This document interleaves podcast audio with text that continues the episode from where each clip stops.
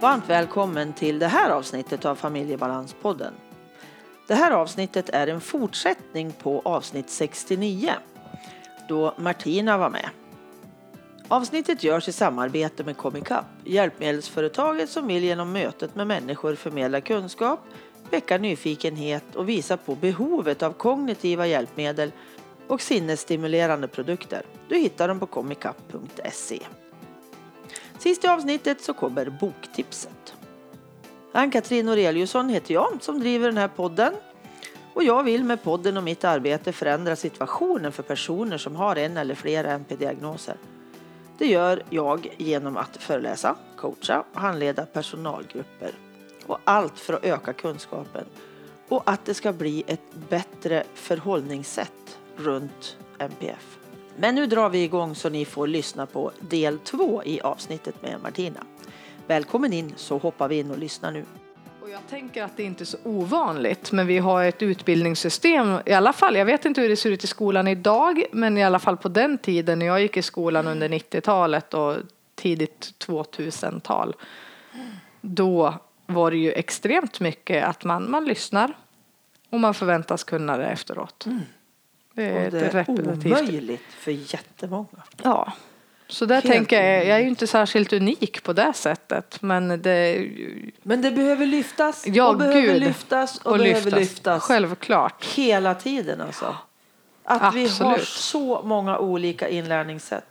För att jag är ju den här som, jag behöver ju jag har ju kommit på nu alltså på senare år och jag är 62 mm. att jag måste lyssna och läsa själv samtidigt. Mm. Jag kan inte bara lyssna eller bara läsa. Jag måste ha bägge delarna mm. och stryka under och reflektera.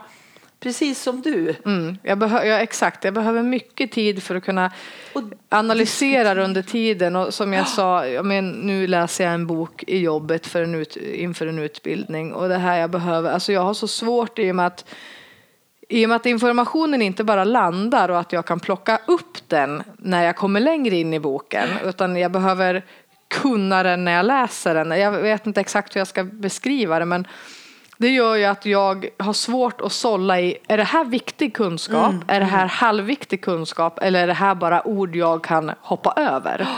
Oh, Därför tar jag in all information för att gardera mig att om jag behöver det här senare i boken så liksom då måste jag veta vart jag kan hitta det. Mm. Därför har jag haft jättesvårt att bara så här i, ja men under studietiden att man bara Alltså då har jag hellre kanske inte ens läst böckerna för att det är för jobbigt att veta. Kan jag, ska, kan jag slå upp det här kapitlet och läsa nu? Eller behöver jag någon annan mm. information innan? Jag har, haft, jag har jättesvårt att sålla i mm. vad är jag behöver? Mm. Och är den här informationen jätteviktig eller är den inte det? Mm. Precis. Så att eh, sådana ja. bitar är, eh, där, där kan man ju anpassa skolan lite bättre kanske. Ja, Om vi det så. tycker jag med. Nej men annars då när vi tänker tillbaka vad jag minns, alltså som sagt inte jättemycket förrän kanske uppåt fyran, femman, sexan. Då mm. minns jag väl mer, alltså i, med mobbing, utanförskap. Alltså, ja men alltså jag har alltid känt mig annorlunda och utanför. Mm. Alltid pratat för mycket, brytt mig för mycket, brytt mig för lite, haft svårt till liksom mm sociala sammanhang. Även om jag, alltså jag anser mig idag, jag är extremt socialt kompetens. Jag, kan, jag känner av i ett rum jättetydligt vad att, den, att nu är det en konstig stämning och, eller jag kan förmedla mellan olika människor. När jag, jag kan nästan se när två människor, så här, nu pratar ni om olika saker. Mm. Ni liksom, ja, du är jätteduktig ja. på det, för det gör du ofta med mig och din pappa. Ja. Att, men alltså nu. Nu, nu pratar ni liksom Nej. om, ni är på olika nivå av samtalet ja. och så kan jag förmedla ganska snabbt det och lägga ja. er på samma nivå så att ni kan, oj nu, nu slog jag ihop händerna. Nej men att ni kan, eller människor överlag, det är, alltså det, sitter liksom inte att jag har någon slags dålig social kompetens. Jag har hög social kompetens. Sen, mm så ställer ju min ADHD till det. Jag pratade ju senast om det också då igår när vi hade ett, satt i bilen tillsammans. Man ja, pratar du och jag själva i bilen ja, i en timme. Många år. Nej men det här med när man eh, när ADHD ställer till det att när jag pratar för mycket. Eller när jag kan bli eh, invaderande kanske i, i samtal när man pratar. Alltså jag upplever mig själv som att jag kidnappar samtal. Att jag har jättelätt att få, när man pratar om någonting, att handla om mig. Och det är ju en egenskap som jag eh, stör mig på jättemycket hos mig själv. För jag, eh, skulle, jag stör mig på den hos andra extremt mycket också. Och då försöker jag eh, anpassa mig. Mm. Och så kanske jag när, man, när jag har varit alltså, i ett samtal så tänker jag så här shit jag blir eh, socialt bakis är ett jättebra eh, ord på det här. Alltså när jag känner Åh herregud, vad var det jag sa nu då? Hur sa jag? Vad uppfattade de mig? Hur blev det här nu? Åh gud, till nästa gång måste jag skärpa mig. Jag måste skärpa mig nästa gång jag pratar. Inte vara så himla fokuserad på mig. Och jag tror att det här är otroligt vanligt. Generellt bland folk. Det tror jag också. Jag tror inte att det är ett dugg ovanligt och det är ju jättetråkigt att slå på sig själv på det där sättet för att någonstans är ju det en del av mig. Sen så självklart, jag har mycket att öva på med att bli en bättre aktiv lyssnare. Sen upplever jag att det har blivit bättre sen jag började ju äta sertralin för oro och ångest i höstas. Det har hjälpt vissa delar av min hjärna att bli bättre att vara fokuserad för jag är inte så orolig längre för att tänk om jag glömmer vad du säger nu. Nu måste jag tänka på vad du säger. Nu måste jag komma ihåg vad du säger. Och just det, jag måste komma ihåg vad jag ska säga och så bara snurrar det och så hör jag i alla fall ingenting. Jag lovar lyssnarna, jag är bättre på det här i min yrkesroll än vad jag är i mitt privatliv. Och det är Ja. väl fantastiskt Ja. tycker jag att man faktiskt kan skilja på de delarna och Ja. få vara sig själv när man är privat. Ja men självklart. Men det är ju någonting som i alla fall jag tänker också har ställt till det för mig som barn om vi nu går tillbaka till det. Att hela tiden känna att på måndag ska jag skärpa mig. På måndag ska jag göra bättre ifrån mig. Då ska jag inte vara så där spretig eller pratig eller okoncentrerad eller vad det nu må vara. Då ska jag fixa det här. Och som vi pratade också om igår, då, att så här tänker ju jättemånga. Och när man som barn, tänker jag framförallt, är i de här banorna, att jag hela tiden strävar efter att förändra mig själv, alltså förändra min personlighet, så urholkar det en. Alltså det gör ju att alltså ens självkänsla, alltså den känslan jag har inför den jag är, inte det jag gör, Nej. utan den, min innersta kärlek till mig själv eller vad jag nu ska kalla det, den urholkas. Och det är så viktigt tänker jag där att de vuxna runt omkring försöker snappa upp det här på något sätt. För det är ju inget, i och med att det inte är någonting som man gör avsiktligen så är det svårt att bryta det utan att om man nu tänker att shit, jag har ett barn som pratar hål i huvudet och, och liksom tar över konversationer och att det kan vara jättesvårt då att få vänner. Till exempel. Då behöver man kanske jobba med, ja men hur kan man prata? Hur pratar jag själv som vuxen? Avbryter jag jättemycket? Vad är det för, för, ro- vad, he- för alltså vad är jag för förebild? Alltså jag tänker det finns jättemycket att prata om det. Och då tänker jag så här också, de här delarna som du pratar om, Mm. det här är ju fantastiskt bra att prata om i en anhöriggrupp. Ja, Att just det, hur gör jag? Hur, Ja. Mm. hur, och bolla det med andra vuxna föräldrar som har liknande problematik hemma. Ja, definitivt. Bra sak att, att nämna. Just det här hur... eh, Att anhöriggrupper, jag tror mycket kanske också handlar om mitt barn är si, mitt barn är så. Och att faktiskt kanske ibland blicka lite inåt. Ja. Att hur är jag? Vad gör jag för att dämpa mitt barn eller för att liksom hjälpa mitt barn att samla sig själv? Vad, hur samlar jag mig själv? För barn måste ha hjälp hela livet i princip. Alltså att, eh, att reglera, att få hjälp att reglera sina känslor och Precis. affekter. Ja. Alltså det kan inte barn göra själv. Jag gör en till reflektion här Ja. runt anhöriggrupp. Vi behöver hälla ut jättemycket Mm. vi föräldrar, men vi behöver också prata konstruktivt. Mm. Vad kan vi hjälpas åt? Vad kan, vad kan du bolla med mig nu eller den här gruppen Mm. med mig? Jag har en fråga, tänker jag. Tillbaka, nu är jag ur Ja. parentesen igen. Ja. Yes. Och sen, ja, jag minns ju ganska mycket ändå Mm. från din uppväxt och jag minns ju hur vi kämpade med din skolgång för att vi hade sån här typ EVK var det väl inte Elevvårdskonferens. Riktigt. Elevvårdskonferens heter inte alls längre. Nej. Det är borta det uttrycket. Men det var alltså rektor, lärare och den som fanns som assistent i klassen Mm. fast det var inte till dig utan det var en funktionsnedsatt elev. Mm. Ja, det. Alltså rörelsehindrad heter det då. Mm. Eh, och vi hade mängder av samtal men det var jättesvårt att få det här. Hjälp Martina att få med sig hem det hon ska ha med sig hem idag. Mm. Hjälp henne att se i en almanacka vad är det för dag, tid, Mm. när är det läxan till och allt det här. Och det gick faktiskt inte att få till.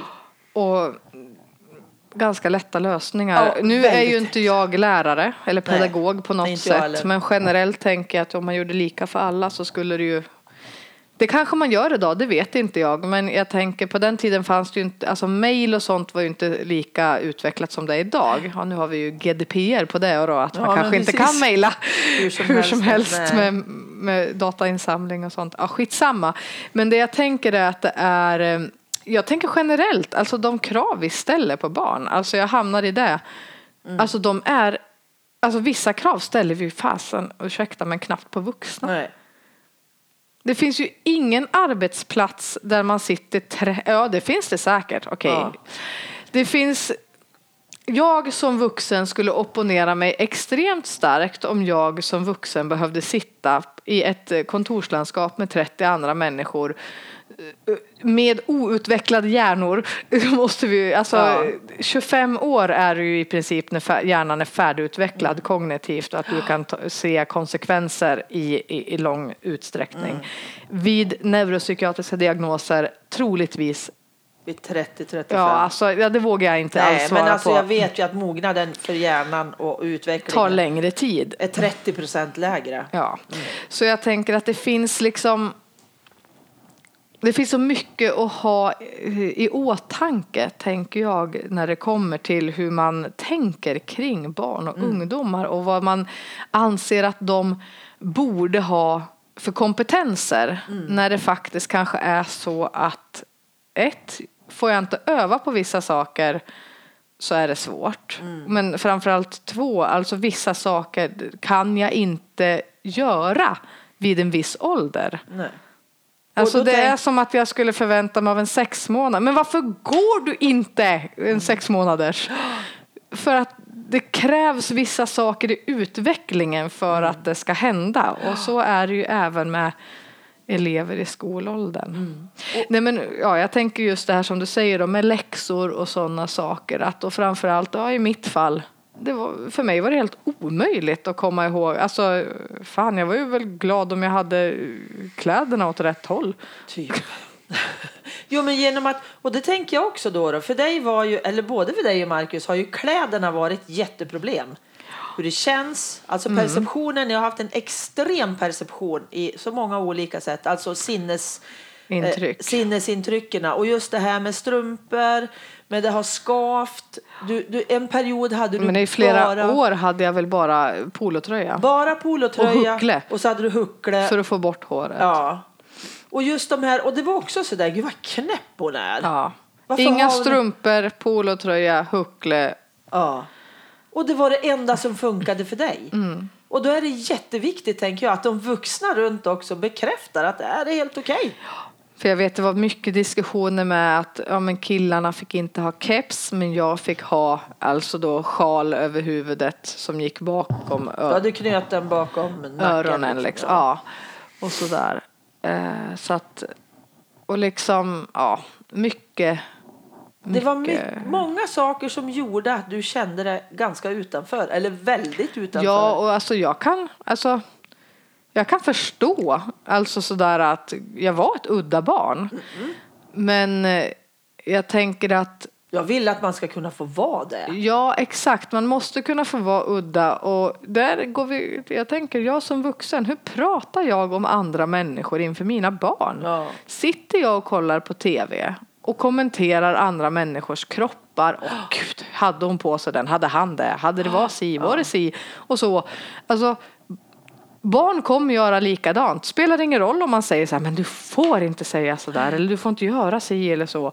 vad gör jag själv? Mm. Åt, alltså, Titta tillbaka. Det är som jag på föreläsningarna ibland pratar om det här. Skicka upp som en selfiepinne. Titta lite. Du gör en, en selfie på dig själv eller en liten film på dig själv. Tänk att du tittar på den där. Vad gör jag? det kan, alltså jag tänker se barnet inifrån och dig själv utifrån. Ja, exakt så.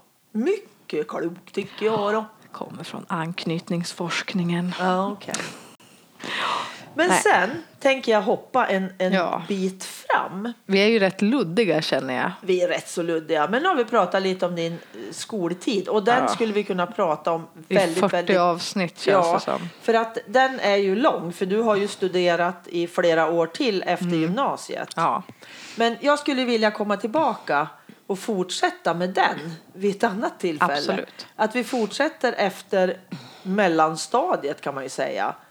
Uppåt. För sen blev det alltså högstadium, det blev gymnasium, det blev universitet. Mm. Och den biten är lite för, en, en bit för sig. ja. Nu skulle jag vilja hoppa tillbaka lite. I något som vi också pratade om igår. När vi satt där i bilen i en timme. Det var en jäkligt bra timme ska jag säga. Ja. Det var kvalitetstid. Då pratade vi om tid. Precis. Och hur jag uppfattar Hur tid. du uppfattar tid. För det är också ett stort problem för väldigt många som har någon diagnos inom NPF. Mm. Alltså neuropsykiatriska funktionsnedsättningar. Då. Och Ja. Berätta lite. Jo, Det men- var jätteintressant att lyssna. Och jag vet inte vart det här kommer ifrån. Men vi kom in på det här med att kunna månader och sådana där Ja. saker. Det pratar vi om idag också. Ja, det gjorde. Att, ja, men jag föreställer ju mig månader eh, utifrån en klocka. Mm. Fast jag tippar den lite åt vänster så att ettan hamnar nästan där tolvan är. Och, så Mm. Och där är ser januari, mi- Ja, där liksom. är januari. Och så ser mitt år ut som en klocka. Och därför tycker jag, av den anledningen tycker jag det blir ljusare på våren. Klockan liksom, man ramlar nästan lite ner i året över våren och sånt där. Och så ligger man där nere och det är sommar och det är jättetrevligt. Och så blir det mörkare och så ska den där jäkla visan upp där över september, oktober, Ja, november, december. Ja. och- Och det är så jag också gör då för att jag ska kunna se. Ja, men jag vet ju att mars är månad tre. Då ligger trean där runt första kvartal, alltså första kvarten. Ja, då kan jag också tänka, men vad är andra sidan då? Jo, det är nummer nio. Och då vet jag också att september är nummer nio. Ja, men då vet jag att det är ett halvår mellan mars och september. Så jag, alltså, he, allt jag gör är i bilder. Jag använder ju metaforer i allt. Varenda sak som jag pratar om är i princip en metafor. För annars kan inte jag ta in information. Jag behöver omvandla det till ett, ett, ett bildspråk i mitt huvud skulle man kunna säga. Det är lika jag pratade med mina kollegor häromdagen. Jag ser ju namn ofta i färg och form. Okej. För ibland har jag svårt att förstå att vissa människor heter samma namn. För jag har olika känslor inför de namnen. Okej. Och då är det För jätte- de personligheterna Ja, för också. de, ja alltså för de människan. människan. Det var, jag hade ju, när jag var, hade min, ja, jag hade en blodsjukdom som barn, jag är frisk nu, tjoho. I alla fall, den sjuksköterskan som jag träffade och tog blodprover hos två gånger i veckan hette Kerstin. Mm. Jag hade jättesvårt, eh, jag hade också en expojkväns mamma som hette det. Okej. Och jag hade jättesvårt att fatta att det var samma namn. För jag hade olika känslor för de här två människorna. Ja, ja, precis. Och då såg de olika ut i mitt huvud. Och så är det än idag. Alltså det, ja, det, inte alltid att det aktivt är färger och former. Men om någon, alltså det, jag har gett, ja, det är jättespännande. Intressant. Det visste inte jag. Det har, du, har vi aldrig pratat om Mm. Nej. tidigare, just det här med namn och färger. Ja. Intressant. Ja, och Inte lika- undra på det är svårt då för vissa Nej. att lära sig också. Hur fasiken, alltså när det heter jättemånga som heter då Kerstin eller Ja. Eva eller Vad det nu må vara. Ja. ja. Tur jag heter Ann-Katrin. och- det finns inte så många Nej. andra. Nej men och det är lika med eh, Ja men veckodagarna. Jag kan ju inte ha en kalender som är, inte ser ut som i mitt huvud. Nej. Den vi får på jobbet gratis till exempel, den är uppdelad alltså så här, vad blir det då? Vertikalt, Alltså måndag kommer och så kommer tisdagen under och onsdagen och torsdagen tror jag och så kommer på andra sidan Mm. Fredag, kommer fredag, lördag, söndag eller någonting sånt där fast de liksom ligger på varandra. Jag behöver ju dem uppslagna att måndag och sen till höger om måndag kommer tisdag, till höger om tisdag kommer onsdag och så dagarna är liksom 8 till 17 eller vad det nu må vara. För jag. så ser dagarna ut i mitt huvud. Jag kan inte heller ha en kalender som inte är indelad Nej, så är att de helt- kommer från vänster till höger Ja, dagarna. helt För annars kan jag omöjligt. inte följa dem. Därför har jag också svårt med våran kalender hemma till exempel, en sån månadskalender. Mm. Och då ligger dagarna på varandra. Och så ser de inte ut i mitt huvud. Det är jättekrångligt Ja. när jag ska försöka så här fatta. När är det i månaden då? Ja, eller liksom. Jag gill, mina dagar och veckor de är liksom. De är linjära Ja, från vänster till höger. Horisontellt Ja. liksom går de efter varann utåt. Och sånt här tänker jag är jätteviktigt Mm. att ha i åtanke när man ska lära ut saker. Nej, Mm. det funkade inte att lära ut klockan eller månaderna på det här sättet. Kan jag göra på ett annat Mm. sätt? För det måste liksom harmonisera med hur ser jag det i mitt huvud Mm. och hur ser det ut? Och jag tänker ännu mer med autismspektrumdiagnoserna Ja, än vad det kanske det är. är ännu viktigare. Ja. Ja. Eller För ännu större behov av Ja, att... kan jag tänka mig i alla fall utifrån den ännu större fyrkantigheten som det kan bli. Och det här utforskandet, att leta och söka Mm. och kanske tycka att det är lite kul att hitta. Hur funkar det för den här ungen? Ja, för jag eller den här som en timstock kanske inte funkar för vissa barn. Men en klocka där färgen Mm. försvinner. Alltså det, det, Ja, timstock är ju ett eh, hjälpmedel där det Mm. Ja. är lampor som, som man tänder ett visst antal lampor ja. och så släcks de eftersom. Och time timer, det är ju att jag ser hur tiden försvinner via en röd skiva som f- följer ja, timmen eller kvarten eller vad det är. Mm. Ja. det försvinner av ett rött ja, fält. och som en, en, ett urverk liksom. Så det finns ju massor med olika. Och Mm. de finns för mobilen och de finns i fysisk form Mm. och alla de här delarna. Så där tänker jag blir liksom viktigt och för mig liksom är det så själv, alltså jag har ju som sagt jag har aldrig medicinerat för min ADHD eller sådana där saker. Jag hade säkerligen behövt det för Det är mitt fel. ja, Jag var alldeles för rädd för medicinering då när Ja. det var dags för dig. Jag hade inte Nej. landat i det själv och det har jag ju ångrat ihjäl med. På, på, under alla år sen när Mm. Ja. det liksom har fallit mig, alltså faller rätt i mig. Det är klart att vissa ska ha medicin, punkt. Men jag har inte tagit tag i det som vuxen. Jag borde nog göra det, Mm. men jag är så, det är liksom livet kommer i vägen. Ja men plus att det inte är helt enkelt. Nej, för För då jag, blir det ju det, ja, men du har, du har ju sambo, och du har barn och du har ett jobb som du kommer i tid till. Varför ska du ha medicin? Ja, lite det är ju så där, också. Ja. Och jag, blir, alltså jag orkar inte bli ifrågasatt. Jag är liksom för Nej. skör för det. Och då tänker jag att tack gode för att jag fick eh, sertralinen. För Mm. den känner jag hjälper mig på andra delar som inte är kanske direkt kopplat till min ADHD utan till en del av min personlighet Mm. eller mitt andra substanser i hjärnan som inte riktigt är i och med att Oro. sertralinen har kapat nästan all min oro. Jag Mm. har ju varit orolig för allt. Jag har ju knappt kunnat svara i telefon på jobbet ibland utan att ha känt att jag blir stressad. Vad ska jag svara? Vem är det som ringer? Undrar vad den vill? Och så fortsätter det liksom. Nu kan jag bara säga okej, jag kan ju inte veta det innan. Det är omöjligt. Acceptans. Så därför får jag lyssna på vad personen säger och därav måste jag svara i telefonen. Nej Ja, men, men tänk vad energier det drar. ja gud. Alla de här sakerna. Och, och man kan inte säga till folk att men du får ju sluta oroa dig. Alltså det finns ju inte. Ja, men i och med att den kommer jag ju hjälp? inifrån någonstans. Alltså, det är ju ingenting jag väljer. Nej.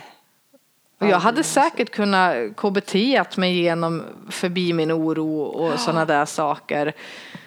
Men det krävs ju också, just nu så var det väldigt skönt att slippa, för jag har ju, hela mitt liv har ju varit strategier. Jag tänker som min almanacka på jobbet. Jag har ju sex eller sju olika kategorier på färger för olika möten. Gult möten för klienter, lila möten med mina kollegor, eh, blått utbildning och jag färglägger färglägger. Och så harmoniserar det med min, fysi- eller min eh, digitala kalender på datorn med samma färger. Alltså färgkodning är A och O för mig för att jag ska veta att nu är det ett sånt här möte jag ska på. Och då är det lugnt i dig. När du har Lugnare i alla lugnare. fall.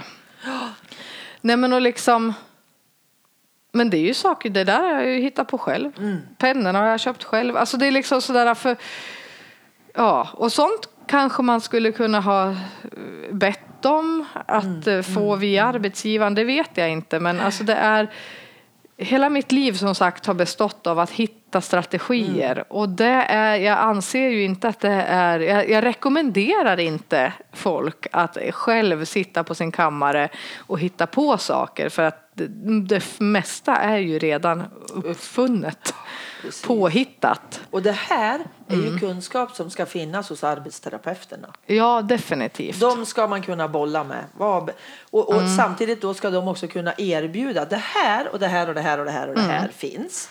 Och inte bara vad behöver du? Nej. För det har jag upplevt var jättejobbigt. Ja, Jag skulle aldrig kunna svara på vad jag behöver utan att veta men vad erbjuds det. Nej. Precis. Jag behöver åtminstone ett hum sen, och, och kanske reflekterande frågor. Mm, Okej, när du har svårt med det här. Vad är det då som är, upplever du är pro- ja, det här och det här? Okej, ja, mm. och så bollar man fram och tillbaka och då är det ju också då i det här fallet arbetsterapeuten Mm. då kanske som då ska matcha det. Det finns säkert jättemånga bra arbetsterapeuter som redan Ja, gör det, det här. tror jag. Det tror jag absolut. Och, att och det andra som inte gör ja, det. och som behöver få uppdatera sin Ja, kunskap. för arbetstera, jag vet ju inte hur den utbildningen ser ut idag. Nej. På FÖN har den säkert varit mycket mer inriktad mot fysiska. Absolut. Men idag är vi ju bättre på att titta i det kognitiva. Mm. Vad behöver man för att liksom, för våra hjärnor fungerar olika. ja. Och Precis. det ställs andra krav på oss idag än för 50 år sedan. Absolut. Eller 10 år sedan. Ja. Eller 20. Alltså det, ja. Jo, men det behöver händer ju gå- saker hela tiden. Så. Mm. Men ska vi ta en liten sväng om magen? Om Ja. din onda mage som var i så många år. vad minns du av min onda mage? Jag minns att eh, varje kväll från det du började skolan kan man säga Mm. och tills du var 11 år. Eller tills jag slutade sexan? Var det så länge? Jag vet inte. Nej, men jag tror, jag tror det var lite där när Malin kom. När du Då fick var en jag kompis. tio och ett halvt. Ja, men runt Ja. Mm. diagnos eller något sånt där. Jag tror att det var mellan från när du var sju, Mm. åtta, nio, tio, elva. Ja, i fyra år kan man nog säga. Jag kan inte säga exakt på dagen. Nej. Men det var väldigt många år. Så var det varje kväll när du skulle sova. Så i en och en halv timme var du så förtvivlad över din onda mage. Ja, jag trodde att jag skulle dö. Ja. Jag namngav min påhittade magsjukdom. Jag kommer inte ens ihåg till vad. Martinuitis kanske. Jag vet inte. Men Okej. alltså liksom. Kreativt. Ja. Och du var på Mm. mängder av undersökningar. Jag vet inte hur många gånger vi var på barnmottagningen Nej. med din mage. Och, Och du ingen- träffade ju ofta väldigt bra läkare. Och jag fick var- ju medicin. Alltså jag Ja. drack ju någon sån här gul, nej, vit sörja. Ja, massor med olika. Som jag skulle liksom Någon äta. Ja, och alla sådana där saker. Och jag är jättefascinerad över att man inte såg att det var psykosomatiskt. Ja. Plus Ja. att du hade så gräsligt med eksem i hårbotten. Och i alla dina böjveck. Ja. Under armarna, i, i Armvecken, armveck, knävecken, knäveck, ljumsken. ljumskar. Alltså du hade eksem på jättemånga ställen på kroppen. Mm. Och så fick vi sån här lösning som vi skulle Ja, hälla i ditt hår. Och det Ja. var ju något så fruktansvärt så du höll ju på och Alltså det var, det var traumatiskt Ja. alltså.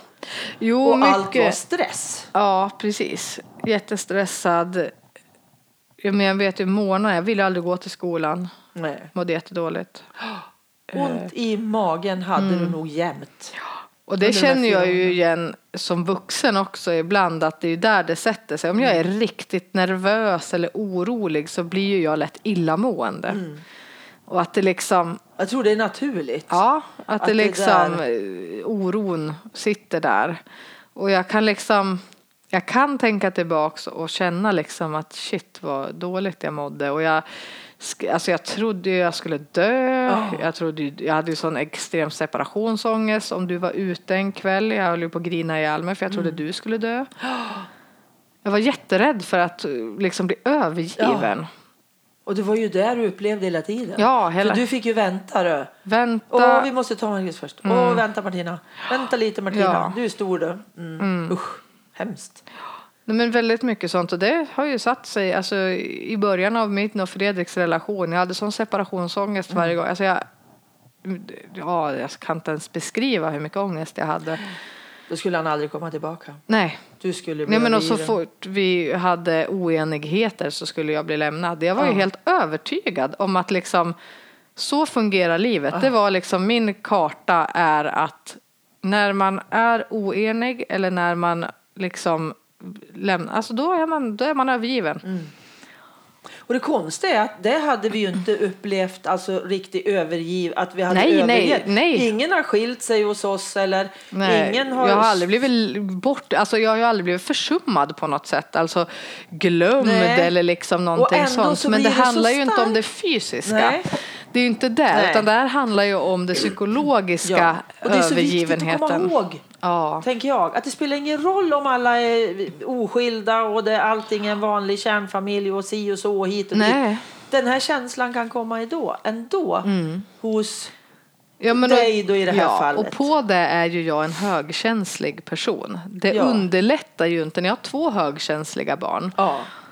Alltså jag, alltså jag Om en högkänslig jag, mamma. Ja, alltså jag tänker att eh, om man, så för att koppla tillbaka till det här med att kunna känna av känslor i rum Ja. och sådana där saker. Alltså om familjen också då hela tiden lever i en stress, det Mm. är jobbiga känslor, alltså de går inte att, alltså de är, bor ju i kroppen Mm. även om de inte är ens egna. Precis. Och då lämnar de ju aldrig Nej. om man inte har, får han, strategier Nej. att hantera det. Men eh, ja, så magen, jag hade jätteont i den, trodde jag skulle dö hela tiden, Mm. jättemycket ångest, ville inte leva ibland. Nej, För det har jag läst i mina BUP-journaler, att jag ville ju ta livet av mig. Ja, Eller nej, jag vill inte ta livet av mig, jag vill inte leva. nej, precis. Är Jättestor skillnad, på att eh, vilja dö och att inte vilja leva Mm. det liv som är. Ja, precis. Och jag vet inte. Oj, alltså min första minne av att jag inte ville leva, då gick jag på dagis. Okej. För då, alltså det, och jag har ingen aning om om det här är fabricerat eller någonting, men jag har bara ett minne av att jag liksom tänker att en, alltså det vore lika bra om en bil körde på mig. Det var liksom min referensram av hur ja. man dör. Ja, precis. Sen vet inte jag vad det grundar, alltså jag har ingen aning. Men, Men det, är var ju stökigt och bökigt och bråkigt och kaos och kalabalik hos oss. Ja, jag vill ju aldrig bli lämnad. Jag blev ju lämnad. Jag, Där blev du lämnad. ja, som, Mot din vilja. Ja, som, som tre, fyra, femåring blev ju jag övergiven varje dag på förskolan. Yes. Och ing, för, för jag tänker att ja, men ibland behöver man lämna sina barn. Mm. Men det ligger ju också i pedagogerna, eller då fröknarna, att någon måste Tar ta emot. emot. Inom anknytningen pratar man om att, alltså anknytningsteorin, om att anknytning är som en lampa. Eller alltså är, är, är kontakten Ja. in. Och, och när jag har en anknytning med mina föräldrar som är trygg och, och bra, då är liksom kontakten in i sluten så att min lampa lyser. Ja. Då kan jag lära mig saker, min, min, jag, är eh, liksom, jag kan ta till mig ny kunskap, Mm. jag kan leka och i leken lära mig saker. Men om jag då inte har någon anknytningsperson på förskolan, då går ju sladden, kontakten dras ur och min lampa släcks. Jag kan inte lära, jag kan inte ta in ny kunskap och sådana saker. jag är rädd. Och jag är jätterädd. Ja. Otrygg. Så, och har man då ingen och känner sig trygg, man känner sig inte trygg i barngruppen, man kanske känner sig inte fullt trygg med, med fröknarna eller vad det nu må vara. För du ansågs ju som stor också genom att du var tre år när du började. Ja, till skillnad från många ettåringar Ja. då kanske och, och sånt. Men det, det, alltså ålder är ju inte relevant Nej. när det kommer till anknytning på det sättet. Nej. Precis. Eller som på norska som det heter tillknytning. Eh, kanske enklare att förstå. Men Ja. alltså att man, Man knyter till. ja, Man sitter ihop med någon så, fast man inte sitter ihop. Liksom. Men emotionellt. Ja. men precis. Och sen var det ju så här, om vi fortsätter lite på magen. Ja. Då börjar en ny i klassen. Mm. En ny tjej. En när vi gick halva fyran hade vi gått. Ja. Tio och ett halvt var jag. Och ni vart jättekompisar. Så hon, vi kallade att hon var ett extra barn i Ja. vår familj. och det var en del av räddningen. Ja, att du fick någon som... Som, Som jag kunde anknyta till. Ja, som du För kunde vänner, anknyta alltså till. kompisar anknyter ju också Ja. till varandra och är varandras tryggheter. Och jag tänker att det var en stor del av din överlevnad. Mm, definitivt. Jag vet, jag vet inte hur det gick till. Men ja, vi behövde kanske varandra. Jag Ja. vet inte just i den, alltså att börja ny mitt i ett, En termin, en termin och i, med en klass som har gått med varandra jättelänge. Det måste ju också vara jättetufft. Ja. Och, Och sen, vi är vänner än idag. Jätte, Ja. jätte, jättegoda vänner. Ja. Och, åh, om du Ja. lyssnar Malin, gud vad jag älskar dig. Ja, precis. precis. Jo, men också sen tänker jag att när vi, bara jättekort, då gick du över till det, högstadiet och det blev så bra, det ska Mm. Ja. vi ta sen. Och så sen vart det gymnasiet och det vart också jättebra. Mm. Och så blev det universitetet och det blev också jättebra. Mm. Så du har ju verkligen din kurva uppåt Ja. Fast du har slitit hela, Ja. hela tiden. Och i och med att jag aldrig har vetat om någonting annat Nej. än att slita, då reflekterar man inte över det när man är i det. Kanske, alltså nu efteråt kan jag tänka, men i helskotta lyckades jag Ja. ens, hur lyckades jag med någonting? Mm.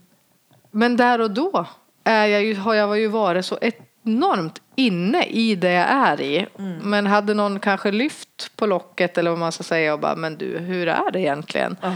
Då hade det kanske varit svårare. Precis. Mm. Men då rundar vi av. Ja. Tack Martina för att du har varit med. Tack för att jag fick vara med och att du har under dessa år eh, peppat, tjatat lite grann. Tjatar mycket. Ja, det känns jättekul att ha få vara med och jag ser fram emot fler poddsamtal. Yeah! Jättekul. Ha det så gött. Nu ska vi gå och äta lunch. Det ska vi. Det ska bli gott. Hej med er! Hej då!